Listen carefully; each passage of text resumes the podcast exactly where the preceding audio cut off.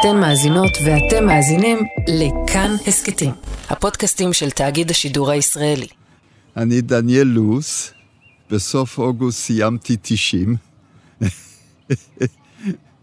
ואני גם נותן פרנסה לרופאים בארבעה בתי חולים, עם שלושה שחקנים אה, שונים, אבל אה, אני עובר הלאה.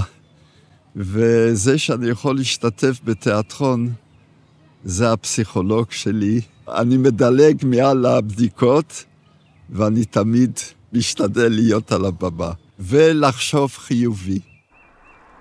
דניאל נהג לנסוע מהבית שלו בעוטף לתל אביב כדי לעמוד על הבמה ולשחק. הוא השתתף כבר בשתי הצגות של תיאטרון קליפה. הראשונה... למבוגרים בלבד, אה, על חיי הסקס של המבוגרים. והשנייה קיבלה את השם... די. אה, ראשי תיבות של דלת יציאה, ובאנגלית די זה מוות, ובעצם לדבר על המוות זה טאבו בחברה שלנו. הבמאי אריאל ברונז רצה להתמודד עם הטאבו הזה. אז הוא כינס שבעה קשישים שלא מפחדים לדבר על המוות. אנחנו בעצם הראשונים לעזוב את העולם הזה. דניאל סיפר שבמשך שנתיים הם עבדו על הפרפורמנס, שכלל גם שירה, מונולוגים מתוך סיפורי החיים שלהם, וגם רגעים קומיים, כמו למשל רגע שבו דניאל עצמו מכריז איזה זין זה להיות זקן. זה הומור שחור. בהצגה נשאלת השאלה מה הוא רוצה שיהיה כתוב על הקבר שלו. ודניאל עונה, פה נקבר אדם שאהב את עצמו, פחד אה, מהמוות, אני פוחד, פוחד, אני הולך לכל מיני רופאים כדי להיות בטוח, אני עושה הצלבות, פחד מהמוות, והשתדל לעשות טוב. בשאלה אחרת, איך היית רוצה לבלות את הרגעים האחרונים? אני אומר, אה, עם כל אלה שיקרים מהילדים, ויש לי כבר שבט של 12 נכדים, ועם הכלות ועם החתנים, אבל הייתי רוצה לסיים בפאי לימון, שאני מאוד אוהב.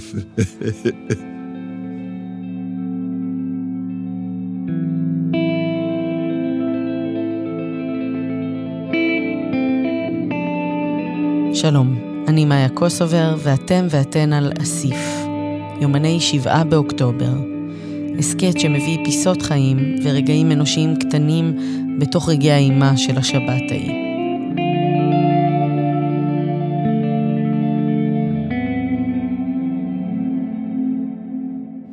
אני בכלל תוצרת חוץ. דניאל לוז נולד בפריז, וזה קרה כמעט במקרה. כי אבא של דניאל עזב את פלסטינה ארץ ישראל בשנת 1927, בעקבות המשבר הכלכלי העולמי. הוא חשב להגר לאמריקה, אבל בדרך עצר בצרפת, הכיר שם צעירה פולניה, השניים נישאו, ודניאל נולד ב-1933. מלחמת העולם השנייה תפסה את המשפחה שם, בפריז, ומה שהציל אותם היה הדרכון של אבא של דניאל מימי המנדט הבריטי. אז ככה שהיינו במחנות הסגר בתוך צרפת, עם תנאים טובים שהיו מבוקרים על ידי הצלבי האדום גרמני ובנות הברית, ולא יכלו לשלוח אותנו להשמדה. דניאל והמשפחה שלו שרדו, אבל השנים בצל מלחמת עולם במחנה הייתה השפעה כבדה על החיים שאחרי. אמי אחרי המלחמה התמוטטה נפשית והייתה מאושפזת בבית חולים פסיכיאטרי. אבי היה צריך uh, להתחיל להתפרנס וכל זה, ואחותי נשארה איתו. ואני, הוא רשם אותי, עליתי עם, uh, עם קבוצה של עליית הנוח בגיל 16, הגעתי ארצה, חמישי בספטמבר 1949. יש תאריכים שדניאל לא שוכח. נקודות מפנה משמעותיות בחיים שלו שהצטלבו עם רגעים גדולים בהיסטוריה. היום שבו הוא שוחרר מהמחנה שבו הגרמנים החזיקו את המשפחה שלו בצרפת, הוא אחד מהם. ב-22 לאוקטובר 44 היו הפצצות של האנגלים וכל זה, אז הגרמנים הורידו אותנו למקלט אה, בתחתית המלון, ולא לא קרה לנו שום דבר. אבל כשנקלעתי עכשיו, בשבת בבוקר, במעמד בבארי, עם צעקות בערבית ויריות, לא הרגשתי פחד ואיום על החיים כפי שהרגשתי הפעם. לעבור את כל מלחמת עולם באירופה ולחוש שואה פה, בבית שלי. הבית של דניאל נמצא במושב יבול, אבל בשנים האחרונות הוא גר בקיבוץ בארי עם בת הזוג שלו, עדנה אבני. אני בהסדר של תושב, זאת אומרת, אני משלם סכום גלובלי בשביל אה, כל השירותים שאני מקבל, אבל הם לא מחייבים אותי להיות רשום תושב במשרד הפנים. אני רשום תושב ביבול, ואתם יודעים למה זה טוב? מכאן מלאך המוות עובד לפי רישומי משרד הפנים. בלילות הוא מחפש אותי ביבול, והוא לא מוצא אותי. בצורה כזאת הצלחתי לרמות אותו ולסיים 90. ב-7 באוקטובר דניאל ועדנה שמעו את האזעקות ונסגרו בממ"ד. לקח להם זמן להבין מה בדיוק קורה. והיינו צריכים לאכול. אז היא לא רצה, אמרתי, בסדר. יצאתי כמעט בזחילה, לקחתי משהו, הכנסתי למיקרוגל וחזרתי מהר, ויש לנו שם אה, ספה שנפתחת, וארגנתי שולחן קטן ואכלנו. בהתחלה הגיעו הודעות על כך שיש מחבלים בקיבוץ, ואחר כך הם כבר שמעו אותם בעצמם. שמענו צעקות בערבית ויריות על ידינו. מקרה שהם לא נכנסו אצלנו, כן? פחד כזה מהמוות לא הרגשתי ב... בצרפת. לא כל כך חשבתי, חשבתי איך לשחות, כן? שיהיה לי אוויר, שאמרתי לה, אני נחנק, אני מזיע, אז היא הסכימה קצת לפתוח, כן? זאת אומרת, הייתי עסוק אה, עם עצמנו, הייתי עסוק ש... לא תיגמר הסוללה שאני אוכל עוד לקבל אה, מהוואטסאפ של בארי אה, איזה ידיעות, אה, אל תפתחו או תעשו ככה, או המרצחים מסתובבים, זאת אומרת... דניאל היה עסוק בהישרדות, במחשבות טכניות וניסיונות למצוא דרכים יצירתיות להחזיק מעמד. אבל לצד זה, הוא גם ניסה לעשות עוד משהו. אני ניסיתי להצחיק היא ככה התחילה לבכות בשקט. אז התחלתי לה... לעשות קצת צחוק, ככה... אה, אה, אמרתי לה, זה, זה כל כך עצוב וכל כך uh, מדכא, שנשאר רק דבר אחד, לצחוק, אחרת אתה לא יכול בלי הומור. דניאל ועדנה היו בממ"ד מ-6 וחצי בבוקר ועד רבע ל-12 בלילה. ושומעים דפיקות, והיא אומרת שקט, אולי זה המחבלים. אז הם שברו את השמשה של החלון, נכנסו פנימה, פתחו את הממ"ד, ואמרו, באנו לחלץ אתכם, תיקחו מהר שקית עם משהו. לקחתי שקית, שפכתי את כל התרופות, ו, ומה שהיה עלינו, אני יודע, ואת התיק הזה שפה יש לי את כל התעודות, כל הכסף, וזה הולך איתי כל הזמן. וחייל אחד לקח אותי, חייל אחד לקח אותה, ובחושר מוחלט, שיורים, את שומעת יריות, ודיברו בקודים כדי שחייל אחר שלנו לא יירה עלינו, מכאן חושך מוחלט. הם בכוונה עשו גם חושך שלא לא יראו. הצלחנו איכשהו להגיע לאיזה קומן כך במרכז. העלו אותנו, והיינו איזה שלושה, ארבעה, לא היינו הרבה. הקומן כך נסע עוד קצת בתחנה אחרת. עלו איזה עשרה ילדים עוד. עם תינוק, עם שניים, שלושה הורים, איכשהו הצלחנו לצאת מחוץ לבארי.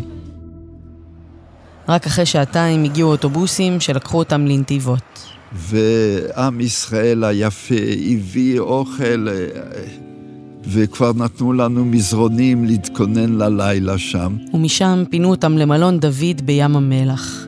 שם פגשנו את דניאל, שעדיין משתמש בהומור כדי לשרוד. הסתובבה איזו בדיחה היום שאנשי בארי רוצים לבקר את כל השרים מכיוון הם שמעו שהם עדיין בהלם והם סובלים נורא, אז אולי אה, אנחנו יכולים לעזור להם. את מבינה איזה הומור שחור צריך בשביל להתמודד עם שלטון שהפקיר אותך, שהפקיר אותך.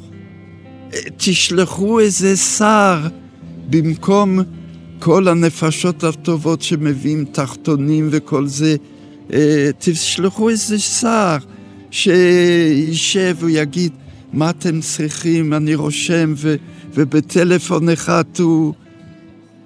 מה זה? היה פה מישהו? אף אחד, חוץ מהנשיא. אף אחד. לכן אה, תפסתי אותו לפני שעל האוטו ואמרתי לו תודה רבה שבאת. רגע לפני שנפרדנו מדניאל, הוא סיפר שחבר שלו שלח לו קריקטורה שמאוד נגעה לליבו. מצויר בה...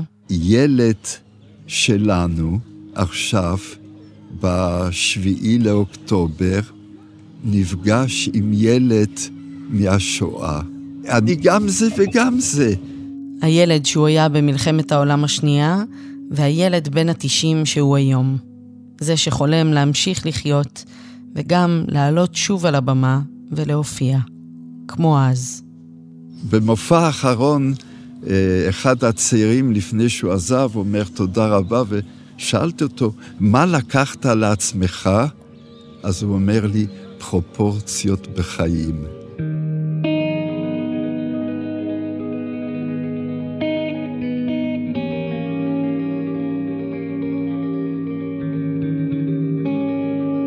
האזנתם והאזנתן לאסיף, יומני שבעה באוקטובר. אני מאיה קוסובר וערכתי את הפרק יחד עם ניר גורלי.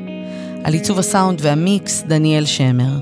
מפיקות, נועם פלג, נועה טייב ונועה רוקני. תודה רבה ליאיר מיוחס על הצילומים. מוזיקת הנושא מבוססת על השיר אסיף, שאת מילותיו כתב איתמר פרת והלחינה נעמי שמר. תודה לדניאל שמר על הנגינה, ותודה ליהודית רביץ, שהקליטה במיוחד ביצוע חדש לשיר עבור ההסכת, ולמור סיוון על ההפקה המוזיקלית. פרקים נוספים מחכים לכם באתר וביישומון כאן. תודה על ההאזנה, ימים שקטים שיבואו. אסוף את המעשים, את המילים והאותות, כמו יבול ברכה. כבד משאת. אסוף את הפריחה שגמלה לזיכרונות של קיץ שחלף בטרם עת. אסוף את כל מראות פניה היפים כמו את הפרי ואת הבר. האדמה היא אפורה, מתחת לשלפים ואין לה עוד לתת לך דבר.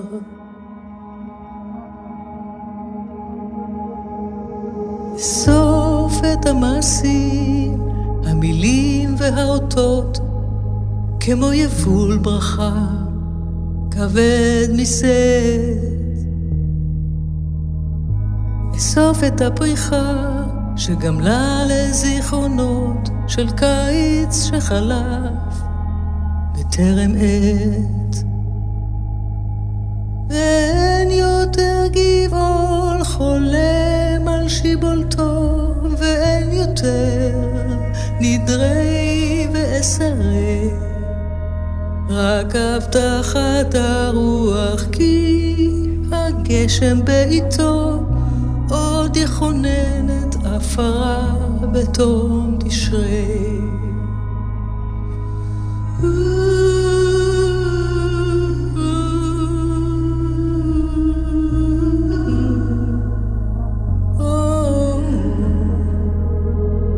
האדמה היא אפורה, מתחת לשלפים ו...